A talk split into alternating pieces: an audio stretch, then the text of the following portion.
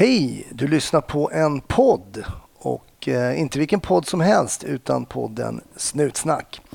Rösten som du nu hör tillhör mig och jag, jag heter Hasse Brontén. Välkommen!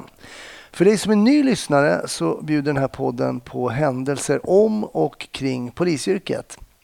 Vad är det egentligen för människor som jobbar som poliser i vårt avlånga land och vad gör de när de är på jobbet? Ja, den här podden bjuder in dig som lyssnare till polisernas värld och ger förhoppningsvis en lite mer rättvisande bild av det mytomspunna yrket än vad kvällstidningar och annan media gör. Det är i alla fall min förhoppning. Med det sagt så är det kanske lite märkligt att dagens gäst inte alls jobbar som polis. Men det gör han förhoppningsvis snart. Christian som gästar har jobbat inom Polismyndigheten under cirka tio års tid och ska snart kliva in på polisutbildningen. Du kommer snart att få höra mer om den utbildningen som han kommer att gå, för det är lite special. Eh, men inte nog med det. Snutsnack kommer att kontinuerligt följa upp hur det går för Christian under ett nytt kommande segment som vi helt enkelt kommer att kalla Hur går det för Christian? Så hoppas du hänger med där. Gillar du podden så uppskattar jag ju givetvis om du hjälper till att sprida ordet om att den finns. Tagga gärna in någon på vårt Instagramkonto eller dela våra inlägg på Facebook till exempel. Vare sig du sitter, står eller ligger ner, var försiktig där ute och ha en trevlig lyssning. 1310 kom. 1310 Odengatan. Ja, det är uppfattat. Vi tar det. Slut. Bra. Klart slut. Jag säger välkommen till Snutsnack Christian. Tack så mycket. Hej. Du är inte polis. Jag är civilanställd sen civilanställd. snart tio år. Jag tror jag firar tioårsjubileum någon gång i början av nästa år. Någonting sånt. Men du berättade det här innan vi började spela in att du har haft, funnits liksom en önskan att jobba som polis när du var yngre till exempel och sådär. Att du har haft de tankarna. Mm. Jag har, min far är militär, min mor jobbar inom militären, min morbror var polis. Så att jag har på något sätt har växt upp med ja, uniformerade yrken på det där sättet. Så att liksom, Ja. intresset har alltid funnits. Och jag tror att under den senare delen av tonåren var liksom, jag ska bli polis. Det var min målsättning. Sen styrde livet ett annat håll och ja, sen på andra liksom vägar så hamnade jag inte där, men hamnade inom polisen. Då. Hur kom det sig att du hamnade inom polisen då? Eh, slumpen egentligen. Efter jag och min eh, fru hade pluggat i Gävle då, där jag läste datavetenskap så flyttade vi tillbaka till Norrköping och jag började fundera igen på om jag kanske skulle söka till polis. Jag och frun träffades när jag höll på att läsa sådana ämnen som jag inte hade haft under, under gymnasiet. Flyttade tillbaka till Norrköping och jag behövde ju ett jobb tänkte jag medan jag skulle liksom planera framtiden. Och då så hade polisen ute en tjänst som fotograf. Och Vi hade ju tittat mycket på CSI, så det där, liksom, det där lät ju spännande. tänkte jag. Så att jag, jag skickade in en ansökan där. Men från datavetenskap då till eh, fotograf? Ja, men det var lite, det var, jag, tror, jag kommer inte ihåg hur den var utformad. Det var liksom så här, eh, fotograf på tekniska med vissa IT-delar också till. Det, var liksom så här, det fanns en del av det som jag kände att det där skulle jag nog kunna jobba med. Jaha. Så jag liksom skrev iväg en ansökan och du vet hur man skriver det, det är ju världens bästa ansökan, alltid man skriver. Skickade in den där och så ringde jag till och med upp, för jag är en sån lite sådär nitisk människa, så jag ringde upp och frågade den konstapeln som skötte rekryteringen. Då ser allt bra ut? Är ni nöjda? Jo, men det såg så bra ut. Och, liksom, och sen hörde jag ingenting. Då gick ju luften ur lite, så då tog jag ett jobb på en Niro eh, i sex månader istället. Eh, det var inte världens bästa för mig eftersom jag gillar inte att prata i telefon. Men ja, ett jobb är ett jobb. Men det var ett jobb. Ja. Eh, Men så ringde de upp från polisen ungefär fem månader efter eh, och sa att de skulle börja ett projekt mot barnpornografi. Och då behövde de anställa en civil utredare och en IT-forensiker till det här projektet. Och det skulle liksom köra igång alldeles snart. Så då tog man dem ur den tidigare ansökningsprocessen som passade in på den här profilen. Så jag liksom fråga, vill du, skulle du vilja söka till att bli IT-forensiker? Och det vill jag ju verkligen. Alltså, ja, polisen, CSI, liksom det, det här. Just Det här är grejen Ja. Så att då ja, kom jag på intervju och en månad senare fick jag liksom... Fick jag Men börja. vilken grej! Hej, vill du vara med och jobba mot barnpornografibrott? Alltså vilken, eh, vilket hopp! Ja, det, det kan man ju lugnt säga. Det var ju liksom det sista jag hade väntat mig där när jag gick på, på jobbet. Men det var ju, jag tror att jag, jag liksom, det var när de frågade om jag hade någon löneanspråk. Nej, nej, nej, jag vill bara börja liksom. Bara det, ge mig det som, som alla andra får och sen kör vi på. Så att, Aha, eh, okej. ja. Hur var det då? Och börja? Ja, ja alltså, det var, jag tror jag hade två veckors introduktion. Man fick gå runt i polishuset och jag fick lite duvning i utredningssystemen. Jag fick någon introduktion till informationssäkerhet. Liksom. Skriv inte att ni jobbar på polisen på Facebook. Och det hade jag gjort dagen innan jag började. Liksom, jag ska bli IT-forensiker. eh, lite sådana där grejer. Eh, Brutit mot Code of Ja, det var Conduct lite direkt liksom. nej, nej, nej. Så det var ju verkligen eh, tvära kast. Men vad var din uppgift då, då som, eh, när man skulle jobba här mot barnpornografibrott? Vad var din uppgift då? Det här var ju liksom, tanken var här att man skulle bygga en utredningsgrupp som skulle jobba med det här. Och då skulle jag vara den som går igenom eh, och letar efter bevismaterial i datorerna. Okej. Och lite också, man har ju sådana funktioner inom polisen, men de är ju allmänna och liksom man skickar in. Det här skulle vara ett sido, så att vi skulle bara liksom sitta med det ärendet, det caset vi hade. Okej. Det skulle vara den stora skillnaden i, i det här projektet. Så att mitt jobb skulle vara att följa med ut på husrannsakan, se till att vi tar rätt saker på rätt sätt, ta in dem, leta efter material som, som vi ska använda som bevis. Just Så det. det var, liksom, det var uppdraget som jag hade. Hur kunnig var du liksom om data då? då? Alltså liksom söka...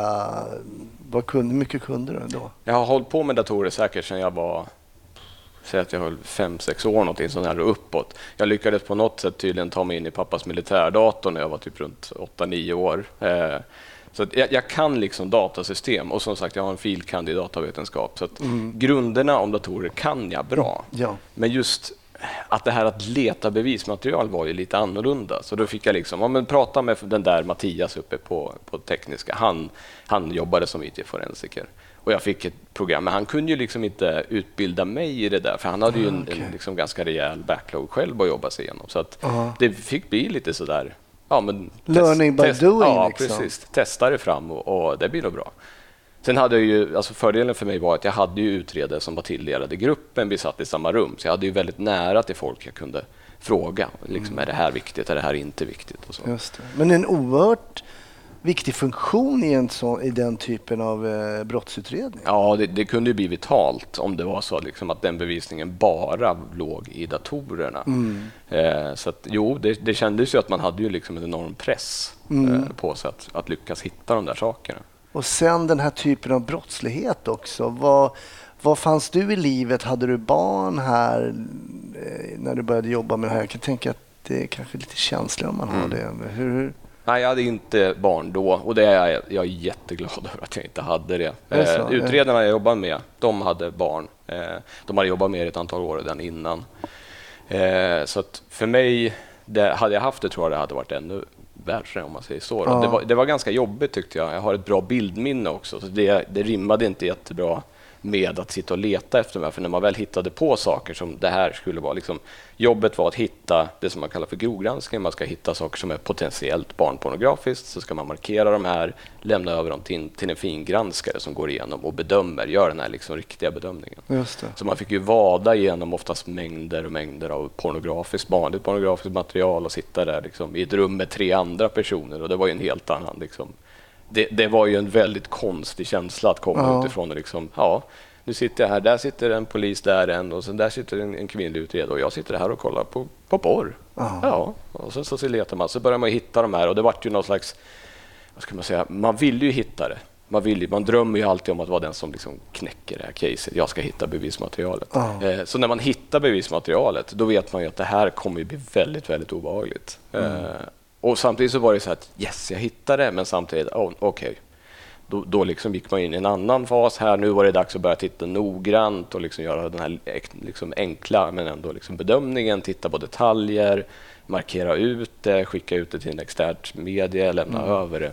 Så att, ja, det var lite bitterljuvt att hitta den där Jag bevisningen. det. Och jag, jag tyckte att det var Alltså jag var ju jätteglad över att jobba i polisen men samtidigt så var det jättejobbigt att titta på det här materialet Mm. och sen gå hem och ha ett normalt liv utanför det där. Hur var din upplevelse kring att det här brottet liksom finns överhuvudtaget och kanske mängden. Eh, hur reagerade du på det också? Kom det in många ärenden? Alltså sånt Mm. bara liksom att vad fan håller folk på med? Får man en så- sån känsla också? Ja, eh, det, det blev ju en ögonöppnare, speciellt när man var på såna här eh, konferenser när man fick lite större bild. Våra ärenden var oftast lokalt förankrat. Det, det var inga såna jättestora internationella ligor. Utan, Nej. men eh, i våra ärenden fanns det oftast en, också en, en fysisk målsägande som, liksom, som hade blivit utsatt. Så det var ju mer också personligt eh, på det sättet än att det var, liksom, det var inte bara spridningen av materialet kanske, utan det var ju även att det här fanns det någon som var utsatt. Just det. Eh, så det vart ju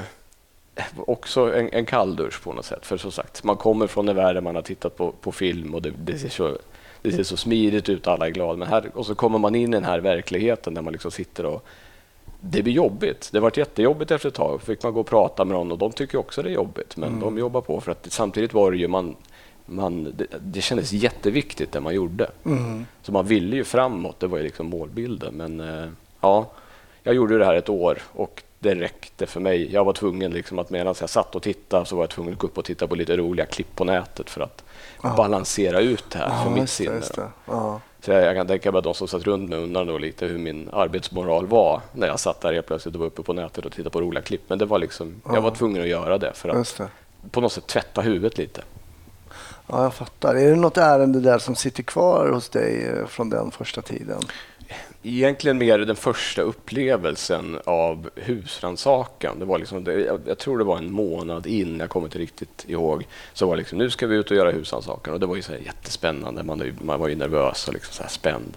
Så vi åkte ut där på morgonen en tisdag. Så man, ja. eh, och vi hade en patrull med, de går in och hämtar ut den här personen som bodde hemma, det visste jag ju sedan tidigare. Och, den, och liksom kom ut och sa, nu är det er tur.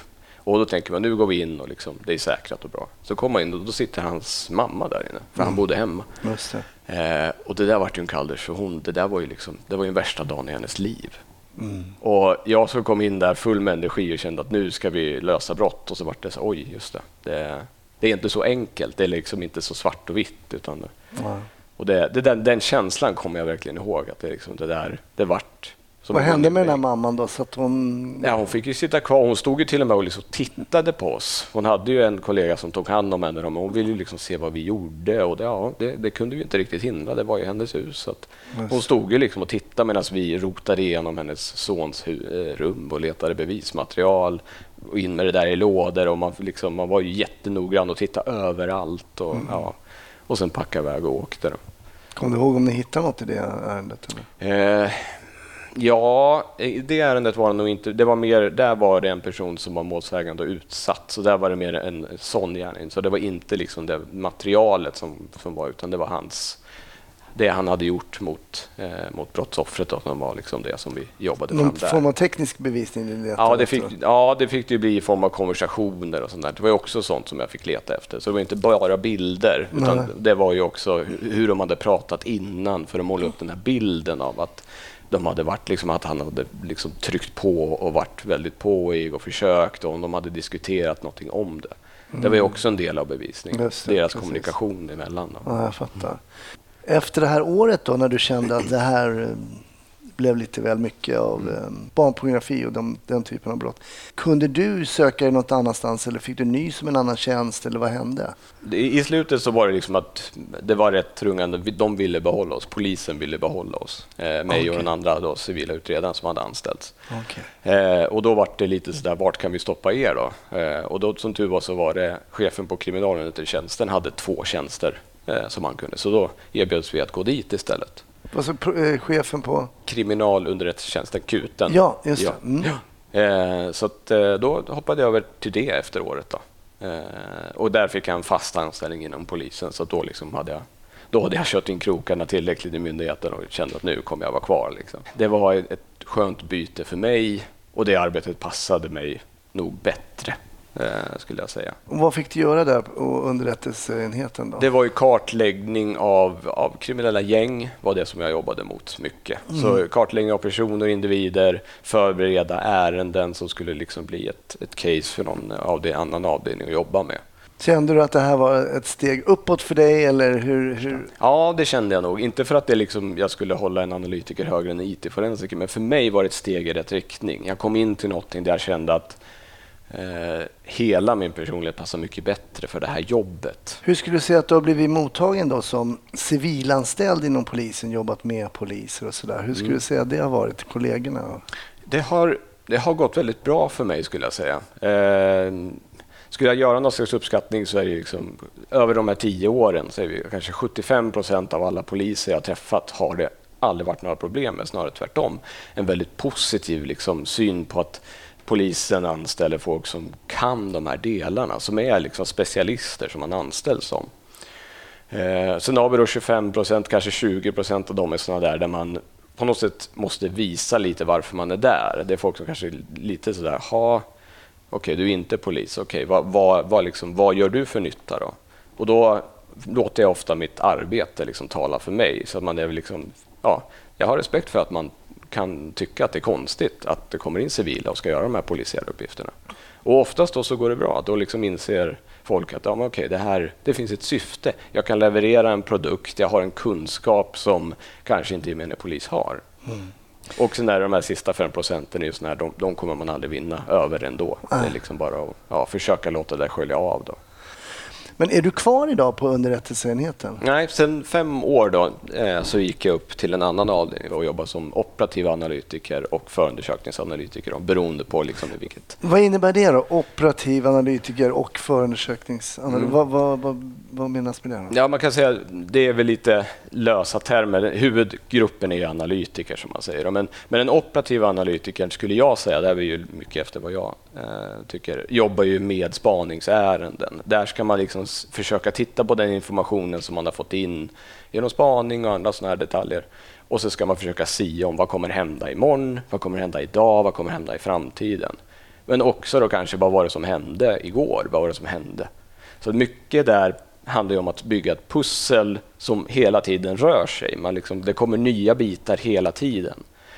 Eh, så uppdraget som operativ analytiker är ju ofta det att titta på den här, vad kommer in, vad kan vi göra, skapa oss för bild, vad kan vi liksom tänka oss att det här, hur kommer det här påverka ärendet och hur påverkar det den, den liksom det jobbet som, som polisen utför? Eh, ställt mot en förundersökningsanalytiker där man jobbar då när brottet har skett, man har liksom, där kommer inte längre framtiden utan nu har man bara dåtid att jobba med då handlar det om att bygga pussel med de bitarna man har. Jag har ju lyxen att sitta i ett ärende från början och till slut tillsammans med en annan analytiker. Men oftast är det ju ensamarbete, är ju, att sitta och analysera och försöka liksom få fram en, en, produkt som ska in sen. Så jag har haft några eh, tidiga ärenden, framförallt men senare också, då, men där jag skulle nog säga att om man tittar på domen sen som vi får i hovrätten så, så, så är min och min kollegas analys är ganska vital i att skapa liksom en kedja av händelser som gör, sen gör att man faktiskt dömer. Mm. Men du är ju på väg in i, in i en polisutbildning som är ganska unik. Ja, precis. Vad är det som kommer hända? Ja, jo, jag har blivit sökt och blivit antagen till det som kallas den funktionsinriktade polisutbildningen. Och det är en variant av distanspolisutbildningen där man har specialanpassat den till, just nu då, så är det civila utredare och eh, forensiker inom polisen. Mm. Så för att kunna söka den här så måste man ha jobbat som någon av de två i minst två år. Och sen har man även lagt på att man måste ha minst 120 högskolepoäng för att kunna söka till den utbildningen. Okay. Och syftet med det är att genom att använda de här detaljerna, som att jag som har läst till civilutredare, vilket jag gjorde för två år sedan, har ju läst straffrätt till exempel. Då kan man förgodkänna oss på de här kurserna. Så man kan liksom se till att korta ner utbildningen utan att tumma på kvaliteten. För vi, har, vi, vi kan ju polisiära system, har jobbat i nio år. Jag behöver kanske inte läsa den kursen igen. Mm. Så genom att göra det så har man tryckt ihop den här utbildningen till ett år. Med också, som de har varnat för, för det var liksom en del i processen, att det här kommer vara betydligt högre studietakt. Du, man ska vara beredd på att det kommer gå undan. Och då litar man ju sig tillbaka på att vi har ju en högskoleerfarenhet, en universitetserfarenhet. Just det. Så då, det kommer liksom gå undan när ni läser det teoretiska. Och när kommer den här utbildningen att påbörjas? Den 17 november går det igång och jag kan inte. Det är inte en dag för tidigt. Så tur var började de en, en, vecka tidigare än vad som var utsatt från början. Så ah, okay. korta ner. jag har en räknare hemma som räknar ner. Det är 33 dagar kvar. Liksom. Det är 32 dagar kvar och jag går och tittar på den där varje morgon. En dag närmare. Ja, än så man kan säga att du i alla fall ser fram emot den. Ja, det gör jag verkligen. Det, det ska bli jätteroligt. Ja, det, vad kul. Jag tänkte att vi skulle följa dig, se lite hur det funkar och bli polis på distans. Att vi ska eh, höra av oss till dig Christian under tidens gång här, se om det blir en konstapel av dig till slut. vi får hoppas i alla fall.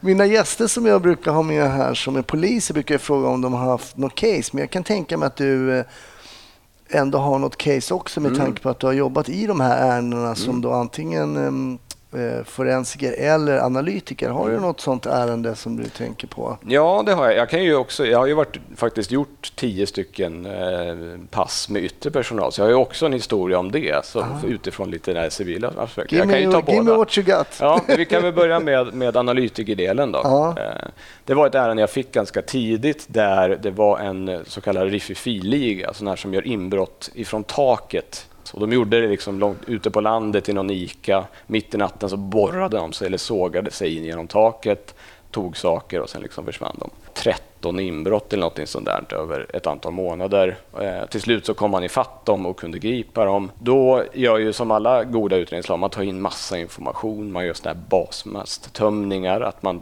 tar en telefonmast och liksom, vi vill ha all trafik som har varit på den här mellan de brottstiderna som man hade. Så det slutar med att de här 13 brottsplatserna hade ju åtminstone så är det ju tre stora bolag som liksom, där man hade hundratals samtal och sms i en stor Excel-fil, en för varje operatör, en för varje plats. Det, någon skulle kunna sitta med det där, den gamla metoden och söka och titta, men det här kommer ju ta, det kommer ta år. Det har varit en rolig utmaning. Liksom. Hur ska vi försöka, hur ska vi få, få någon ordning på det här? Så då gjorde jag så att jag tog en av de här telefonlistorna för ett brott ute på landet och sen importerade den.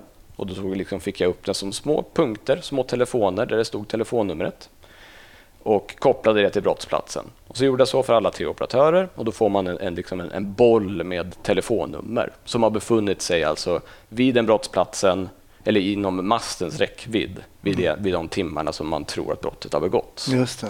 Sen tog jag information från nästa brottsplats, gjorde samma sak. Då, det programmet gör då är att börja dra streck emellan. Så om ett telefonnummer hade funnits på flera brottsplatser så blir det streck till dem.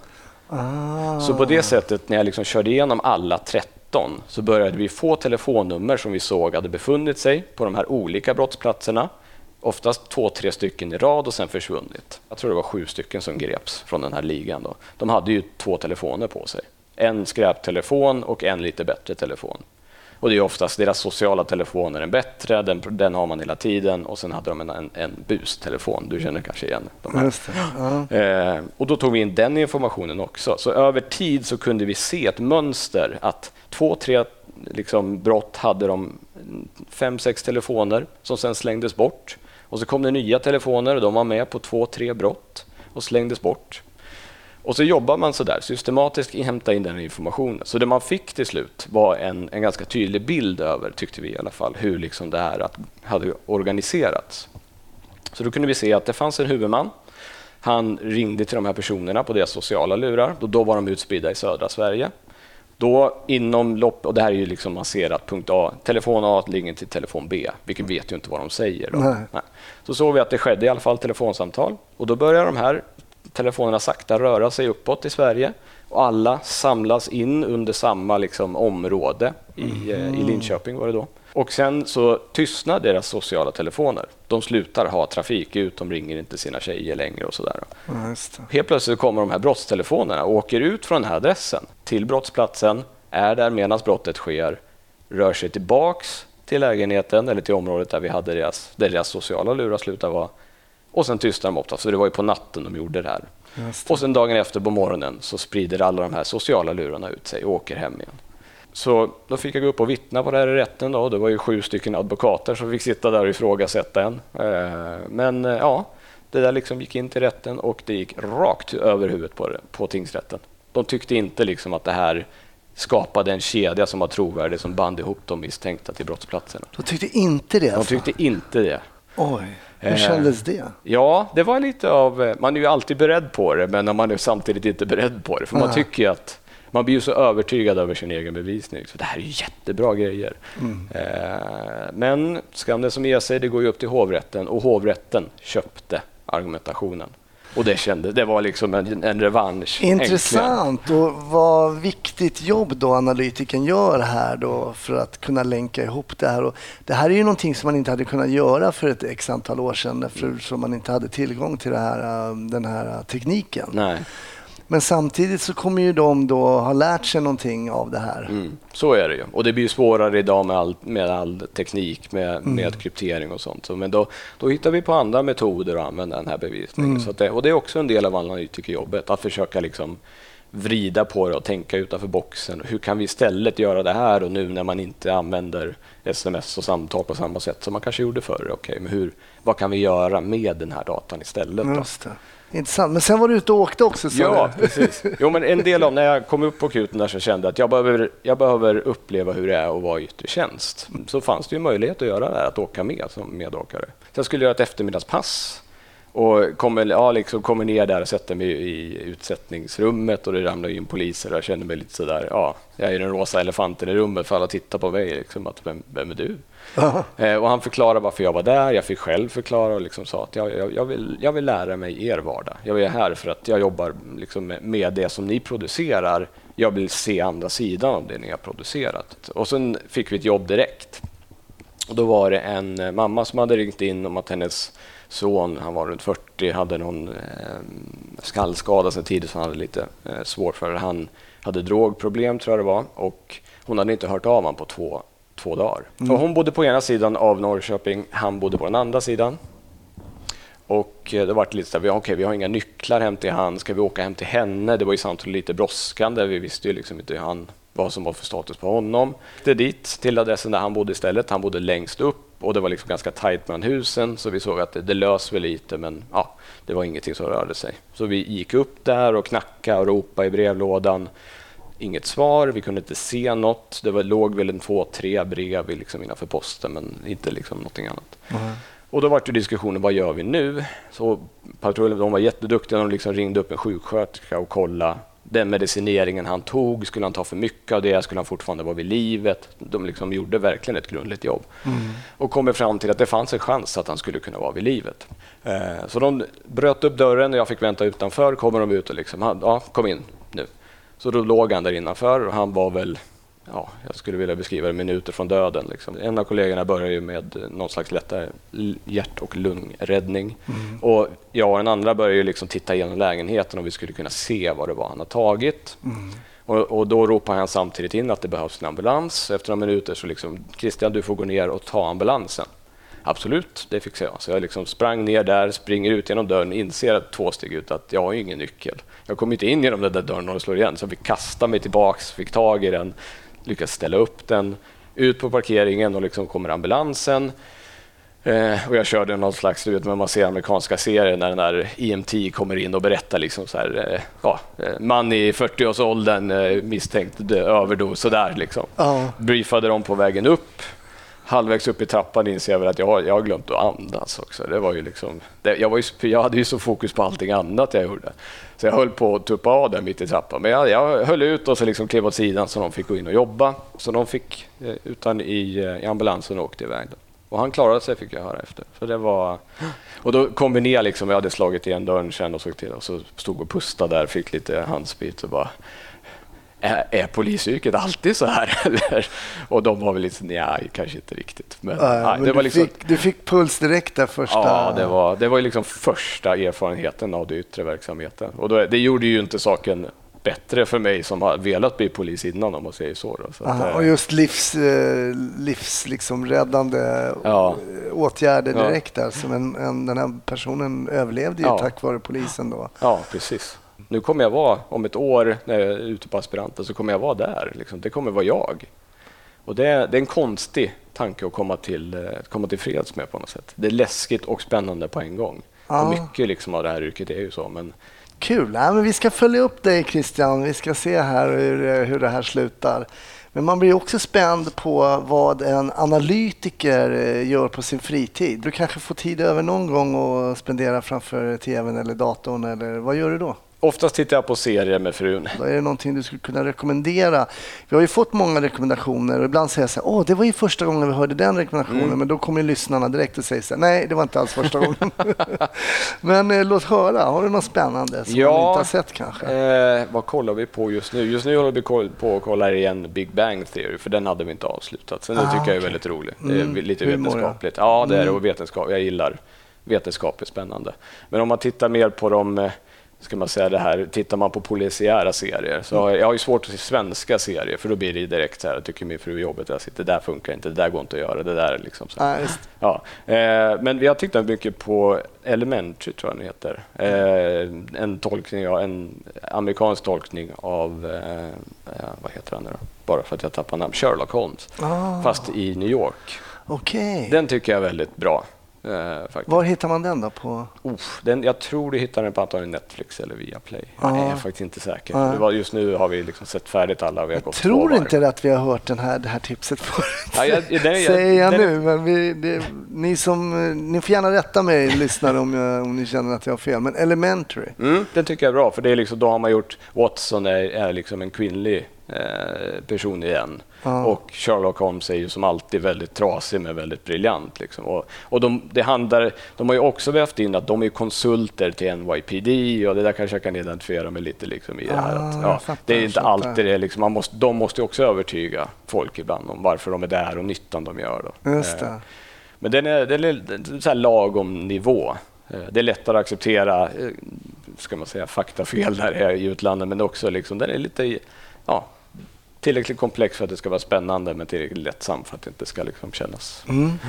Kul. Eh, mm. Elementary. Och vad har du i fickan?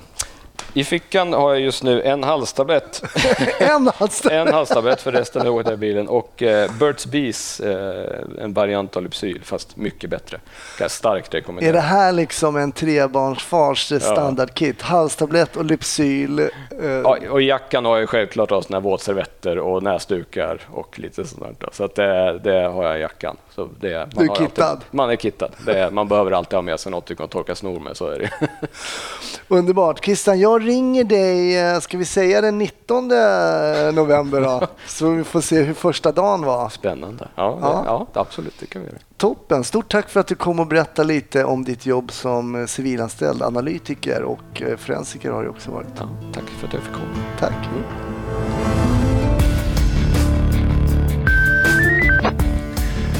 Stort tack! Du har lyssnat på ännu ett avsnitt av podden Snutsnack. Och eh, du vet väl att det bara dröjer en vecka innan det kommer ett nytt intressant avsnitt. Så håll ut till dess. Eh, vi ses på Instagram eller på Facebook. Ha det fint. Hej då!